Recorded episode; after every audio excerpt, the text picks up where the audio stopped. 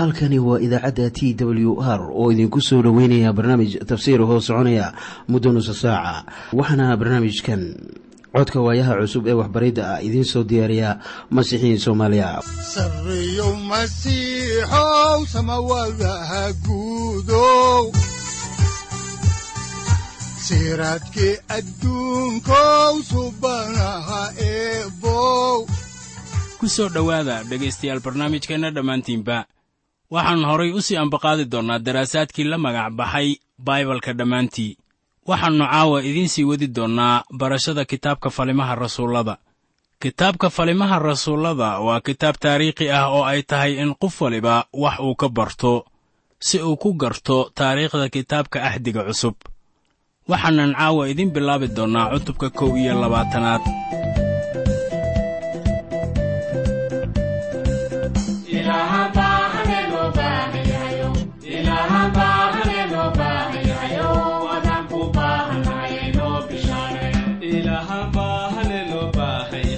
markii noogu dambaysay waxaannu soo gunaanadnay cutubka labaatanaad oo ku soo dhammaanaya bawlos oo ay sagootinayaan duqaydii reer efesos oo ugu yimid magaaladii dekedda ahayd ee miletos.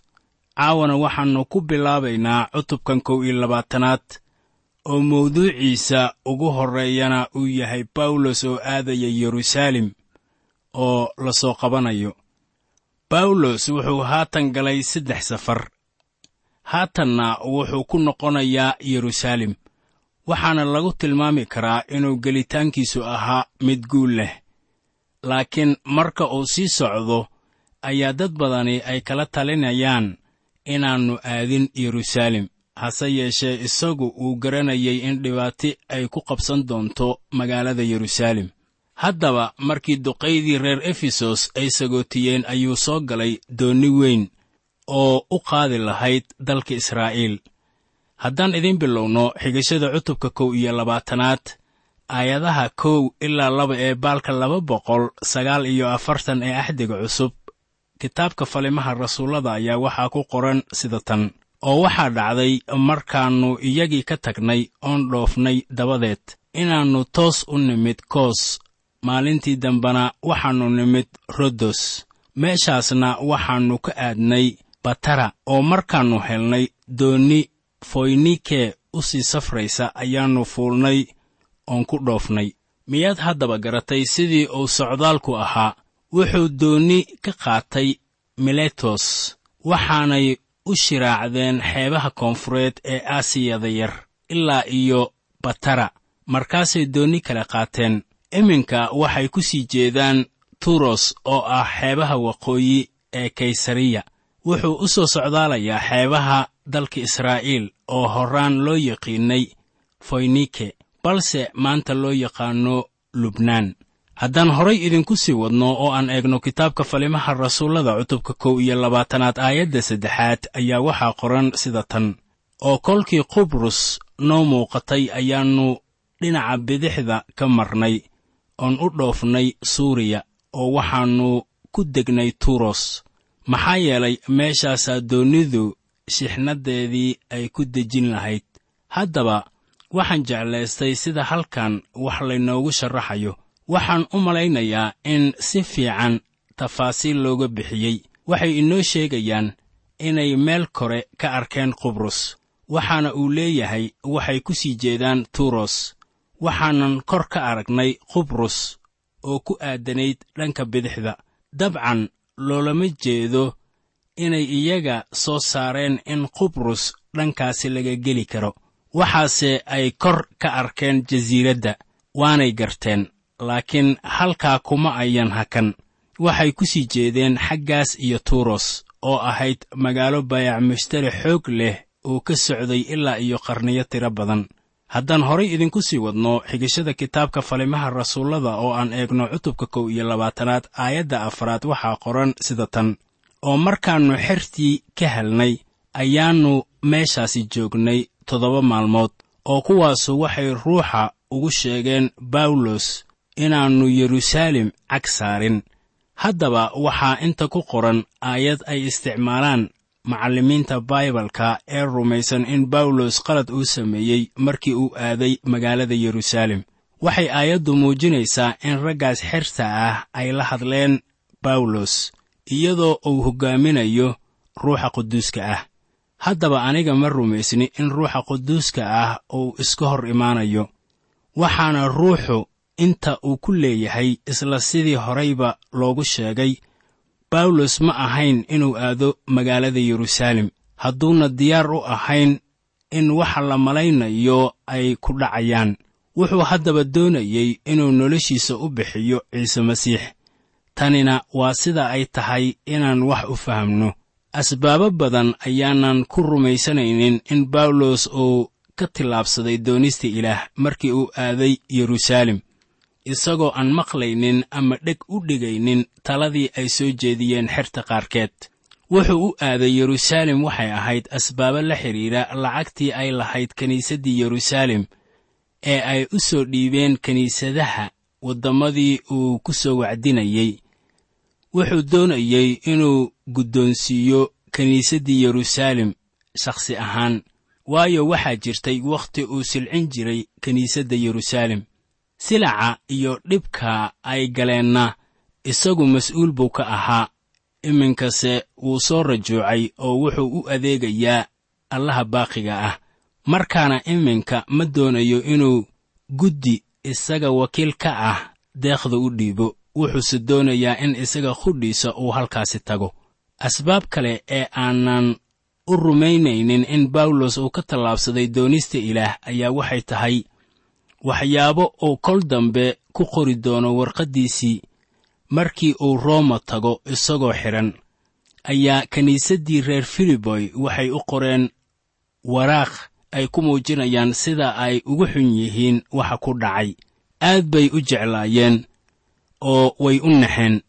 Hase yeeshee bawlos baa u qoray iyaga isagoo leh sida ku qoran warqaddii reer filiboy cutubka koowaad aayadda laba iyo tobanaad ee baalka saddex boqol shan iyo afartan ee axdiga cusub. Waxaana qoran haddaba walaalayaalow waxaan jeclaan lahaa inaad ogaataan in waxyaalihii igu dhacay ay injiilka horumar u noqdeen.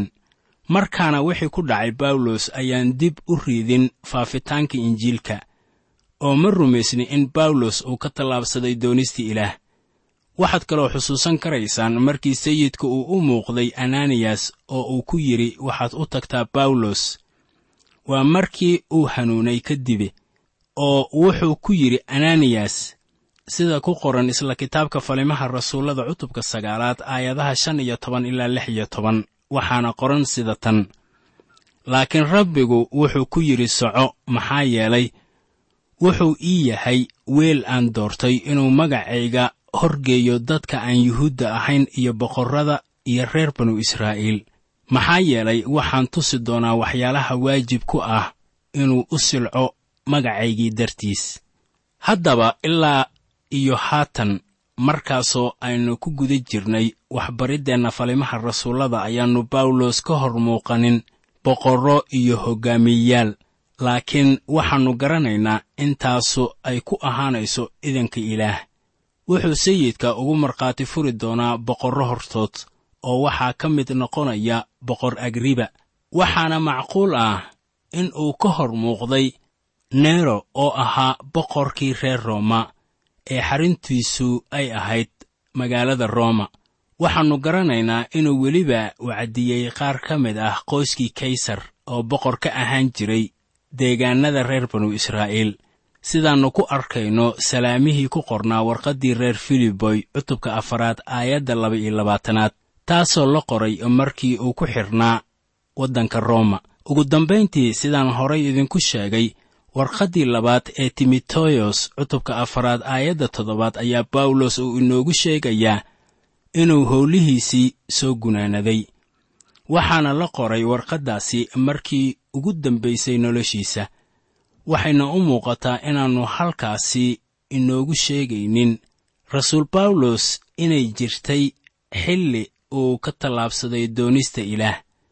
Waa suuragal in masiixiyiinta maanta nool ay mar iyo labo ka marin habaabi karaan dariiqa ilaah laakiin taasi macnaheedu ma ahan inay sidaasi ku ridoobayaan. Waxay nool yihiin wakhtigii nimcada laakiin ma ahan inay ciqaab daran mutaysanayaan. Aragtidan waxaa laga yaabaa in dadka qaarkii ay ka hor imaadaan ama ay ka hor imaadsan yihiinba oo qaarkood aynu saaxiibbo nahay ay ku jiraan. Laakiin haddana dhibaato nagama dhexayso. Aaraahda unbaan ku kala gedisannahay haddaan horay idinku sii wadno xigashada kitaabka oo aan eegno kitaabka falimaha rasuullada cutubka kow iyo labaatanaad aayadda shanaad waxaa qoran sida tan. Oo markii maalmahaasu noo dhammaadeen ayaannu ka tagnay oon sii soconnay oo dhammaantood iyaga iyo dumarkoodii iyo carruurtoodiiba ayay na sii ambabixiyeen ilaa magaalada dibaddeeda. Markaasaannu xeebta ku jilba joogsannay oo tukannay mar kale ayaannu arkaynaa in wixii bawlos u sameeyey ay wanaagsanaayeen. Bawlos iyo dadkii ayaa waxay ku jilba joogsadeen xeebta oo ay tukadeen.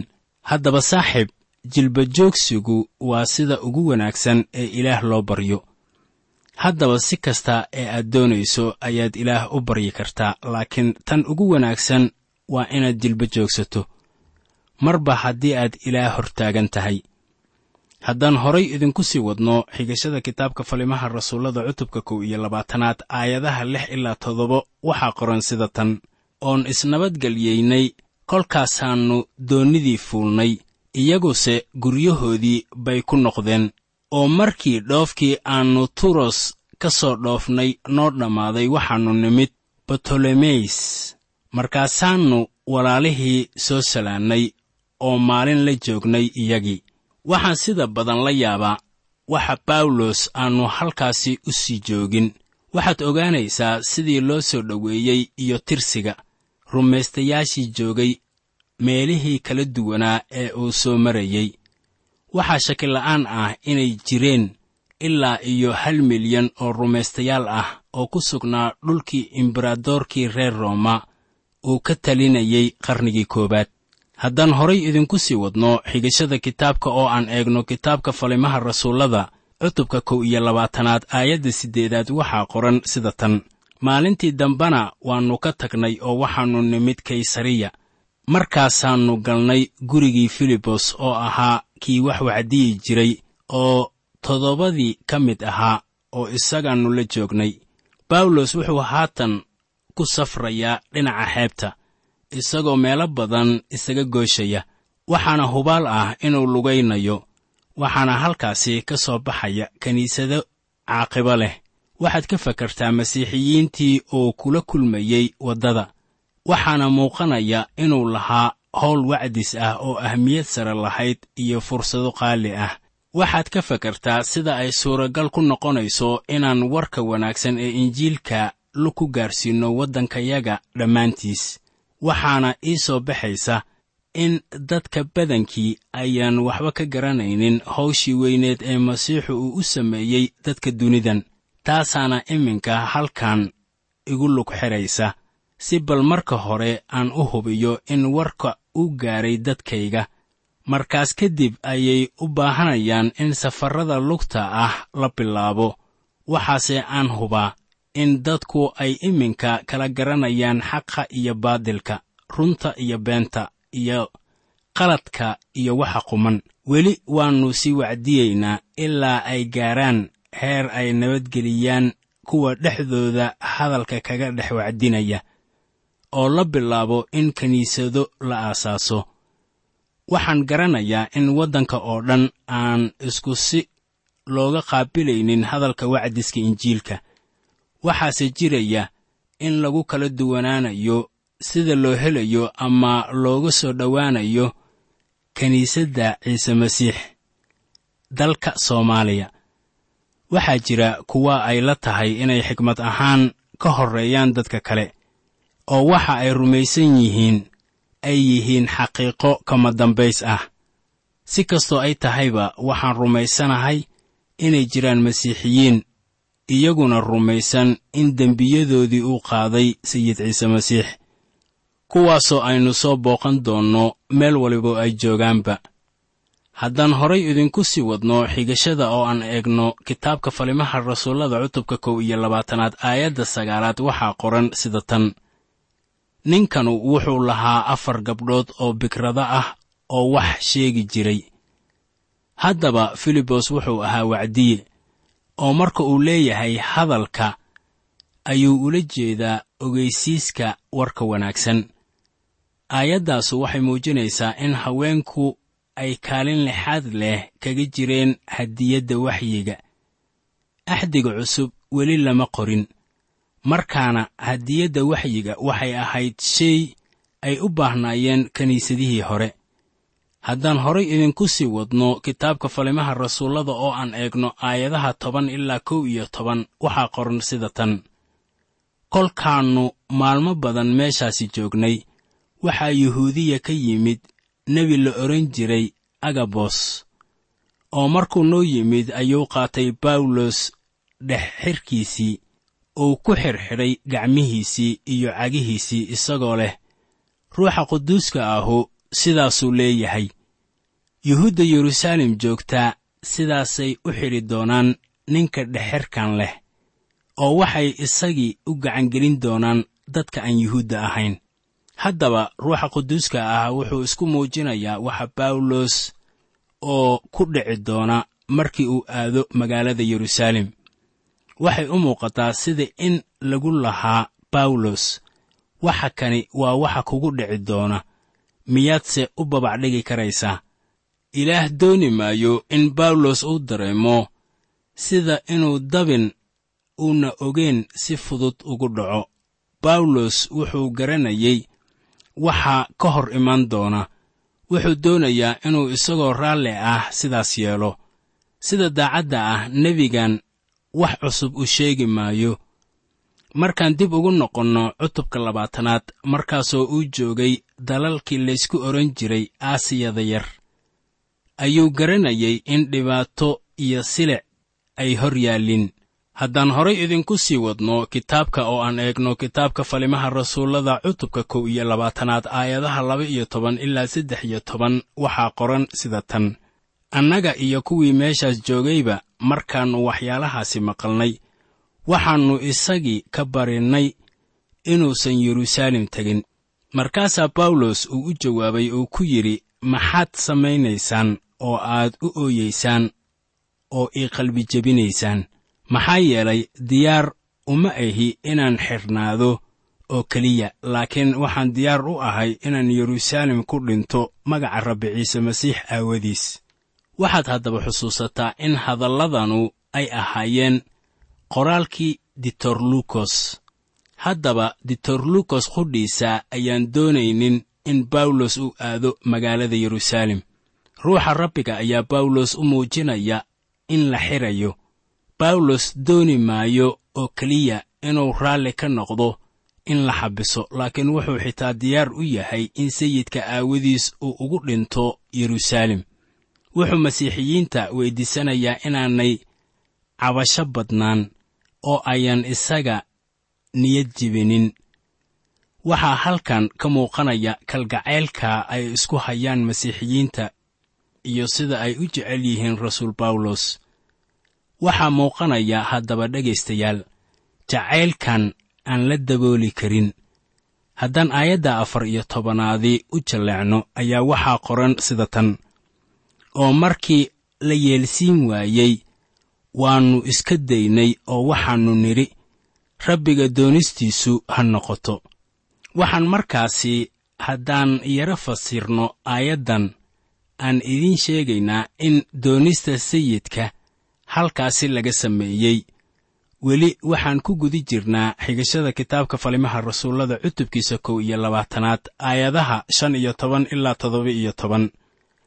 Maalmahaas dabadeedna alaabtayadii baannu diyaarsannay oo waxaannu tagnay yeruusaalem oo waxaana raacay qaar ka mid ahaa xerta kaysariya iyagoo wada mid manason la odhan jiray oo reer qubrus ahaa oo xertii hore ka mid ahaa kaasoo aannu u hoyan lahayn markaannu yeruusaalem nimidna farxadda bay nagu soo dhoweeyeen waxaad haddaba ogaataa markii rasuul bawlos uu yimid magaalada yeruusaalem in kiniisaddu ay si farxad leh ku qaabishay. Haddaan horay idinku sii wadno xigashada kitaabka oo aan eegno falimaha rasuullada aayadda siddeed iyo tobanaad waxaa qoran sida tan maalintii u xigtayna bawlos oo nala socda ayaannu waxaannu u tagnay yacquub. Waayeelladii oo dhammuna way joogeen. War maxay taasu ahayd soo dhoweyn caaqibo leh? Iminka bawlos wuxuu ka mid ahaa halgamayaasha kiniisadda wuxuuna qayb ka ahaa hawsha sayid ciise masiix wuxuu noloshiisa siiyey sayid ciise masiix. Haddaan horay idinku sii wadno aayadaha sagaal iyo toban ilaa kow iyo labaatan ee cutubka kow iyo labaatanaad ee kitaabka falimaha rasuullada waxaa qoran sida tan. Markuu iyagii salaamay dabadeedna mid mid buu ugu sheegay waxyaalihii ilaah dadka aan yuhuudda ahayn dhexdooda uu kaga sameeyey shuqulkiisa. Iyaguna kolkay taas maqleen ayay ilaah ammaaneen oo waxay ku yidhaahdeen isagii walaalow waad aragtaa inay yihiin kumanyaalka rumaystay oo yuhuudda ku dhex jira. Kulligoodna sharcigay ku kulul yihiin. Iyagana waa loo sheegay wax kugu saabsan inaad yuhuudda qurumaha ku dhex jirta. Bartid inay muuse ka tagaan adigoo u sheegaya inaanay carruurtooda gudin oo aanay caadooyinka ku socon. Haddaba yuhuuddani waxaad mooddaa inay isku qaldeen wixii bawlos caadiyan uu samaynayey bawlos xaqiiqa ahaan uma barin waxyaalaha ay ku andacoonayeen inuu barayo. Waxaannu iminka soo gaarnay qidco kale oo ku saabsan mufasiriinta wanaagsan ee faallo taas gaar ka ah xaalkan ka bixin kara. Su'aasha soo baxaysa ayaa waxay tahay miyaa bawlos uu samaynayey doonistii ilaah markii uu yimid magaalada yeruusaalem ee uu galay nidarka laga doonayey inuu wax bixiyo. Rumaystayaasha reer yeruusaalem waxay ka hadlayaan kumannaan yuhuud ah oo masiixa u yimid. Yuhuuddaas garatay in wax waliba ay ku soo dhammaanayaan magaca sayid ciise masiix. Ayaan innaba weli ka tegin sharcigii nebi muuse. Marka dhanka kale laga eego dadka yuhuudda ah waa qasab in ay hoos yimaadaan sharciga marka dhanka kale laga eegana dadka aan yuhuudda ahayn ma ahan inay ku adkaystaan in yuhuudda ay ka waantoobaan ku dhaqanka sharciga. Haddaanay sharciga ugu kalsoonaanaynin inuu badbaadinayo. Kuwa ku adkaysta in nimcada ilaah ayaan ku qasbin kuwa aan yuhuudda ahayn inay dhowraan sharciga ayaa u muuqanaya inay iloobayaan in isla nimcadaasi lagu aqbalayo yuhuuddu inay waxbariddoodu ku sii socdaan. Hadday taasu la noqoto doonista ilaah tusaale ahaan waxaannu garanaynaa in butros aannu cunin. Wax ka gees ah waxyaabaha sharciga uu u fasaxayo inuu cuno. Ilaa uu bawlos ugu yimid magaalada antiyokh. Waxaa kaloo yuhuuddu ay ka labalaboon jireen inay cunaan waxa loo bixiyey asnaamta markaana dadka aan yuhuudda ahayn iyagu way iska cuni jireen waxyaabaha asnaamta loo bixiyo iyagoo weliba aaminsan ilaah. Markaana haddii ay jiraan kuwo masiixiyiin ah ee aan jeclaysan inay cunaan cunnadaas markaas ma ahan wax hagaagsan in la qaato. Hase yeeshee bawlosna wuu caddeeyey inaanay micno lahayn haddii la cuno hilbahaas iyo haddii kale wuxuuna inoogu sheegayaa warqaddiisii koowaad ee reer korintos cutubka siddeedaad aayadda siddeedaad sida tan. Cuntadu ina horjoojin mayso ilaah. Haddaynan cunin waxba inagama dhacaan. Haddaynu cunnana waxba inooma kordhaan. Bawlos wuxuu kaloo inoo sheegayaa haddii qof uu ku hoos jiro sharciga nimcada ayaa u oggolaanaysa inuu weli ku sii socdo sharciga kadib markii uu sayid ciise masiix u aqbalo inuu yahay badbaadiyihiisa. Haddaan idin yaro taabanno mawduucaasi ayaa waxaa ku qoran warqaddii koowaad ee rasuul bawlos uu u qoray dadka korintos cutubka toddobaad aayadaha toddoba iyo toban ilaa labaatan sida tan. Hase ahaatee mid kastaa ha u socdo sidii rabbigu uu ugu qaybshay iyo sidii ilaah mid kasta uu ugu yeedhay oo sidaasaan kiniisadaha oo dhan ku amraa nin gudan ma loo yeedhay gudniin la'aan yaannu noqon. Nin aan gudnayn ma loo yeedhay yaan la gudin. Gudniintu waxba ma aha gudniin la'aantuna waxba ma aha laakiin waxaa waajib ah in la xajiyo qaynuunnada ilaah. Nin kastaa sidii loogu yeedhay ha sii ahaado haddaba bawlos wuxuu isticmaalayay qaynuunkan si uu dadka ugu keeno masiixa. Haddaan mar kale soo xiganno isla warqaddan koowaad cutubka sagaalaad aayadaha sagaal iyo toban ilaa saddex iyo labaatan waxaa qoran sida tan. Waayo inkastoo aan xor ka ahaa dad oo dhan dhammaan ayaan addoon isaga dhigay si aan qaar kaloo badan u soo kordhiyo yuhuudda waxaan u noqday sida yuhuudi oo kale si aan yuhuud kale u soo kordhiyo.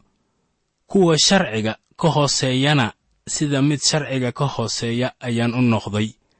Aniga oo aan sharciga ka hoosayn si aan kuwa sharciga ka hooseeya u soo kordhiyo. Xagga kuwa aan sharciga lahayn sida mid aan sharci lahayn ayaan u noqday anigoo aan ahayn mid sharci la xagga ilaah laakiin sharci leh xagga masiixa si aan u soo kordhiyo kuwa aan sharciga lahayn. Xagga kuwa itaalka daran waxaan u noqday mid itaal daran si aan kuwa itaalka daran u soo kordhiyo. Dadka oo dhan ayaan wax kasta u noqday inaan si kastaba qaar ku badbaadiyo. Wax kasta waxaan u sameeyaa injiilka aawadiis si aan u noqdo mid injiilka la qaybsada iyaga. Markaana iminka ma ahan inaad bawlos ku eedaysaan wixii uu yeruusaalem ka sameeyey. Haddaba nimcada ayaa bawlos siinaysa fursad oo nidarro ku sameeyo si uu yuhuud badan u keeno. Waxaase aan shaki ku jirin haddii bawlos uu ahaan lahaa nin ka mid ah quruumaha oo la arko isagoo raacaya caadada yuhuudda ayaa taasi wax liska weyddiin lahaa. Tafaasiishaasi gaaban ee aan idinka siinay xaalka ayaan filayaa inay idin garansiinayso ficilkii bawlos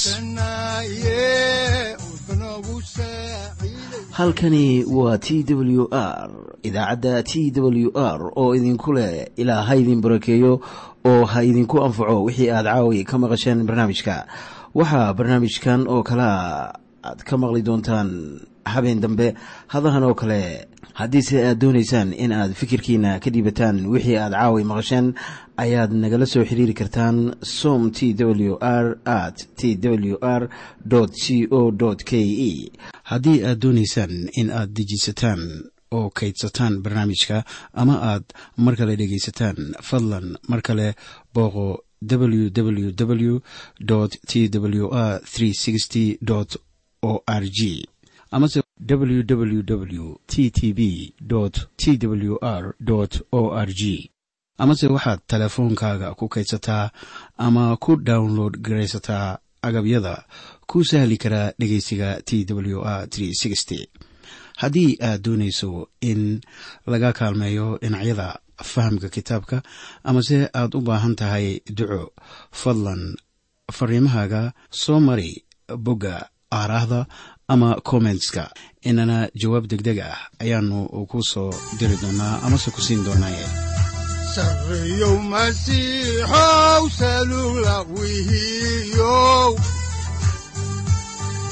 saacadda timid dhulka sabada ku dhalatiyo